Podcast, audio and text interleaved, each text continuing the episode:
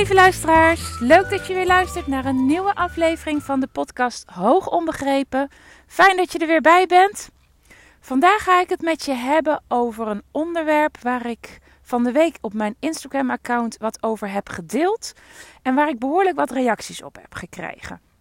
Zeer interessant, zeker uh, voor ouders uh, met pubers die op de middelbare school zitten. Ik denk dat je echt iets aan gaat hebben om dan deze podcast helemaal af te luisteren. Maar voordat ik je meeneem in het verhaal en de tip die ik daarin voor je heb, eerst nog even over mijn nieuwe aanbod. Vanaf 1 maart is het mogelijk om je aan te melden voor mijn onbegrepen podcast Extra. In die podcast ga ik met je op een dieper niveau met meer tips, met meer verhalen, met meer context, met meer inzichten die ik met je ga delen over het opvoeden en begeleiden van hoogbegaafde kinderen. Ik, heb, ik ga dit starten omdat ik merk dat heel veel ouders teruggeven: ik haal zo ontzettend veel waarde uit jouw podcast. En het is natuurlijk super leuk om te horen, daar ben ik echt ontzettend blij mee. Dat is ook helemaal het doel. Maar ik denk heel vaak, oh, maar nou heb ik 20 minuten of 25 minuten een podcast opgenomen. Maar er is nog zoveel meer wat ik hierover kan delen. Er is nog zoveel wat ik ja, mee te geven heb hoe je het nog beter, nog makkelijker kan aanpakken. Ehm, dat ik dacht, ja, hoe ga ik dat nou in het vat gieten? En mede ook omdat ik merk dat ouderbegeleiding nou niet iets is waar veel ouders ehm, ja, direct op zitten te wachten. Wat ik me ook kan voorstellen. Hè? Dat betekent toch weer een uur of meerdere keren in een maand of twee, drie maanden tijd. Een uur van je tijd om te praten over situaties die gebeuren. Um, nou ja, ik merk dat ook aan mezelf. Dat soort dingen zijn toch altijd lastiger te plannen. Ehm, maar ook heel vaak denken ouders ook van ja, ik wil wel wat tips, maar ik heb geen hele ouderbegeleiding nodig. Ik heb het niet nodig dat ik een uur met iemand ga zitten praten. Ik heb over één onderwerp, hè, heb ik even wat handvaten nodig. Ik wil me ergens even op één stuk verder in ontwikkelen en verder verdiepen. En nou, dus fijn als iemand mij daarvoor de aanzet geeft, maar de rest kan ik zelf wel. Daar heb ik geen hele nou, 1, 2, 3, 4, 5 sessies ouderbegeleiding voor nodig. En dat snap ik helemaal. Ik, ik, ik herken dit ook heel erg. En toen dacht ik, ja, hoe ga ik dan de kennis die ik heb, ja, makkelijk op een laagdrempelige manier met jullie delen? Nou ja, en uh, uiteindelijk uh, was al vrij vlot uh, het idee ontstaan om dan een, ja, een extra podcast te organiseren, te regelen, op, op poten te zetten. En ehm, daar alles wat ik niet kan delen in deze podcast met je te gaan delen. En in eerste instantie wilde ik hem gewoon vanaf maart dat je je direct kan inschrijven. Um, maar ja, net tijdens het wandelen, ik ben namelijk weer lekker uh, even aan de wandel, dacht ik van misschien is het toch handiger als ik ook een wachtlijst voor je klaarzet. Dat je je vast kan aanmelden, dat je gewoon ook een seintje krijgt op de eerste dag in maart, dat je je kan, definitief kan aanmelden. Misschien is dat wel gewoon veel praktischer. Hoef je ook niet per se mijn Instagram of mijn, uh, mijn podcast in de gaten te houden. Dus mocht je dat willen, in de beschrijving van deze podcast staat de link naar de wachtlijst. Je kan je vast aanmelden. Het verplicht je helemaal tot niets. Je kan ook um, op een moment dat de inschrijving definitief open gaat en je denkt: hmm, nee, nou ook prima, helemaal goed.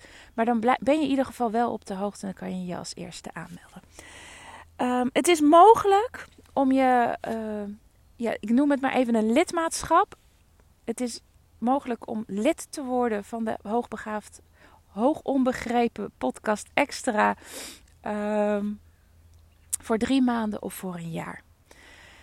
En als jij kiest voor drie maanden of voor een jaar, weet dan dat je er daarna ook niet automatisch aan vastzit. Ik heb daar zelf ook ontzettende hekel aan dat als je iemand eenmaal iets start, dat je dan ook automatisch doorgezet wordt als je niet op tijd weet op, op te zeggen. Nee, helemaal niet. Als je kiest voor drie maanden, dan krijg je na drie maanden een mail van mij van joh, luister eens, je podcast uh, lidmaatschap loopt af. Wil je hem verlengen, dan is dat mogelijk. En dan moet je je weer opnieuw aanmelden. En dat geldt ook als je ervoor kiest om dat voor een jaar te doen. Nou, dat dus. Meld je vooral aan als je daar interesse in hebt en dan, ehm, dan blijf je als eerste op de hoogte. Oké, waar ik het vandaag met je over wil hebben. Zoals je misschien wel weet, zijn wij bezig met onze oudste dochter richting staatsexamen. Vorig jaar heeft zij al één vak staatsexamen gedaan, namelijk Engels. Uh, gewoon eens om te kijken van hoe is dat? Hoe gaat dat? Hoe gaat dat in zijn werk? Wat moet ik er eigenlijk van tevoren allemaal voor doen? Wij wisten allebei dat haar Engels van voldoende niveau zou zijn. Dus dat het daarin niet zat. Ze hoefde niks nieuws te leren, zullen we maar zeggen. Maar het was veel meer van: ja, wat wordt er nu eigenlijk van mij verwacht? Wat is de voorbereidingstijd? Uh, en hoe gaat het ook daadwerkelijk, praktisch gezien?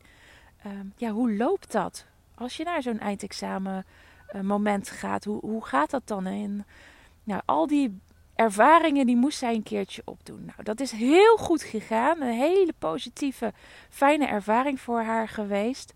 En gezien het feit dat zij een doel heeft waarvoor ze een examen uh, moet behalen, tenminste, moet niet. Er zijn altijd andere wegen, maar waarin het gewoon praktisch is dat ze straks een diploma heeft, um, zijn we verder hierop, uh, hiermee gegaan. En we hebben ervoor gekozen en in overleg, het was eerst de bedoeling dat ze drie vakken zou doen, maar uiteindelijk hebben we ervoor gekozen om vier vakken te doen. En dat heeft er alles mee te maken dat zij uh, maatschappijleer is een verplicht onderdeel um, voor, uh, nou, voor het behalen van een VMBO-diploma, maar volgens mij geldt dat ook voor de HAVO en voor het VWO. Dat is echt een verplicht iets. Dat moet ieder kind doen. En daar was ze mee bezig aan het voorbereiden. En toen zei ik, ja, maar eigenlijk wat je nu aan het voorbereiden bent, is voor een groot deel ook maatschappijkunde. Dus waarom pak je dat vak er niet direct bij? Dat is twee voor de prijs van één. Dus lijkt me best wel praktisch. Um, gezien het feit ook dat ze nog een extra. Ze moest nog één vak kiezen en wist niet zo goed wat ze moest. Ik denk, nou ja, dan heb je ook direct deze te pakken. En zij zei, nou ja, dat is prima, dat doe ik erbij. Dus ze gaat nu voor uh, eindexamen wiskunde, eindexamen Nederlands, eindexamen uh, maatschappijkunde. En maatschappijleer is dus dan dat verplichte onderdeel. Dus vier onderdelen, vier vakken gaat ze doen. En met wiskunde zijn wij eigenlijk al vanaf het begin van dit schooljaar zijn wij mee bezig. Wij hebben van iemand bij ons uit de omgeving die wel vaker kinderen begeleidt, uh, die thuisonderwijs krijgen en uh, eindexamen willen doen, staatsexamen willen doen, hebben wij uh, boeken gekregen. Derde jaar wiskunde VMBO en vierde jaar wiskunde VMBO. En hij zei, als je deze nou allemaal doorneemt, dan ben je goed genoeg voorbereid en dan kan je je examen eigenlijk best goed ja, is gewoon goed te doen. Dat kan je dus eigenlijk wel makkelijk halen. Uh, zij is daarmee begonnen, maar ze loopt ontzettend er tegenaan dat ze dingen niet snapt. En niet snapt, niet in de zin van dat, ze, dat het te moeilijk voor haar is, maar niet snapt omdat ze het niet in de grote brede context kan zien. Ze krijgt elke keer een klein stukje. Het, dus een hoofdstuk is opgedeeld in, in allemaal kleine stukjes. Ze moet opdrachten maken, krijgt soms pas de uitleg daarna. Dat ze zoiets heeft van ja, als je me dat nou eerst had uitgelegd, dan had ik het gelijk begrijpen. Um, nou, dat is natuurlijk ook iets wat ze zelf kan doen. Dus door eerst door het hoofdstuk goed heen te bladeren en alle informatiestukken te lezen. Dat is natuurlijk een mogelijkheid. Um, maar ze loopt er heel erg tegen aan dat het heel erg opgedeeld is in kleine stukken. En dat zij niet het grote plaatje ziet van waaruit ze weet oké, dit is waar we naartoe gaan. Dit is waarom ik deze kleine stukken onderdelen moet leren.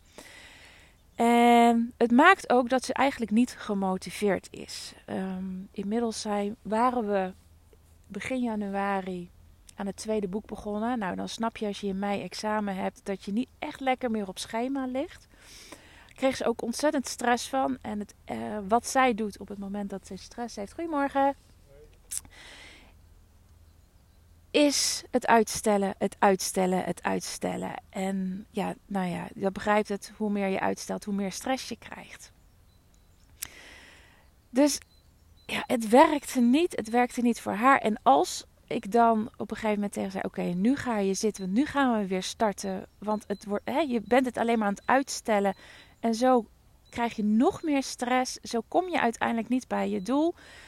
Dan was ze best wel aangepist. Niet omdat ze het moest doen, maar als we dan gingen zitten en ze begreep het niet direct. Of ze, raakte heel gefrustreerd. En nou ja, uh, deed dat dan op mij afreageren. Wat ik begrijp, hè, de mensen die dicht naast je staan, uh, waar je het meeste van houdt, die krijgen meestal de volle laag. Um, ik weet inmiddels echt wel hoe het zit. En, uh, maar toch is het niet fijn. Ook voor mij niet. Weet je, ik probeer haar te helpen. En als je dan elke keer alleen maar een grote mond kan krijgen. Uh, of boos, een, boos iemand naast je hebt zitten uh, die alleen maar roept: Ik snap het niet, ik snap het niet, ik snap het niet. Ja, is ook niet als moeder echt motiverend om je kind dan verder daar op dat gebied te begeleiden. En tijdens onze vakantie in Zweden lag ik s'nachts een keer wakker. En ik dacht, ja, hoe moeten we dit nou aan gaan vliegen? Want ik merk gewoon aan dat dit gaat hem niet worden. Zij zit straks op dat eindexamen, heeft de helft van de stof niet doorgenomen. Dit wordt één groot um, fiasco. Um, en opeens dacht ik, oh ja, maar weet je wat wij hebben? Aan het begin van het jaar heb ik namelijk eindexamenbundels gekocht. En de eindexamenbundels bestaan uit een samenvattingsgedeelte en een oefengedeelte. In het oefengedeelte zitten allerlei oude examens. Je kan ze ook online vinden, maar uh, hierin zijn ze dus gebundeld. Met alle opdrachten van oudere examens, examenjaren waarmee je kan gaan oefenen. Die hebben we nog even links laten liggen. Maar ik dacht, die samenvattingsbundel, die is echt heel interessant. Want daarin staat per onderdeel beschreven, uitgelegd wat de bedoeling is, wat ze moet kennen, hoe dat opgebouwd wordt, hoe ze het moet aanpakken. En het is gewoon overzichtelijk. Soms is het uh, anderhalf uh, A4'tje, soms zijn het drie A4'tjes achter elkaar met uitleg over een bepaald onderdeel. En daartussen zitten nog kleine oefenopdrachten.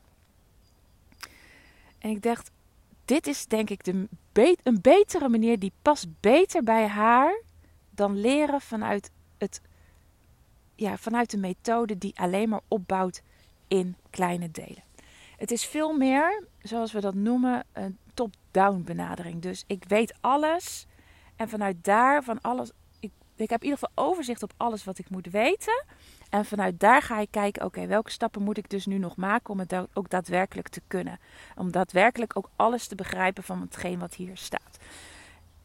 En uh, het idee van mij was dan in ieder geval van oké, als ze dat heeft doorgenomen, dan kunnen we kijken, beheers je het, beheers je het nog niet. Gaan we zoeken, of in de methodeboeken die we hebben liggen, of op internet, naar uitlegfilmpjes, naar...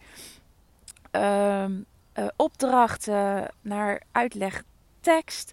Om dat stuk wat je dan nog niet helemaal begrijpt, ja, in de vingers te gaan krijgen. En ik besprak dat ook op een gegeven moment tijdens die vakantie met haar. En ik zei: Joh, ik denk dat wij heel erg er verstandig aan doen om het op een andere manier te gaan aanvliegen. Want dit gaat niet werken. Jij raakt er ontzettend gefrustreerd van. Jij wil niet steeds een klein brokje.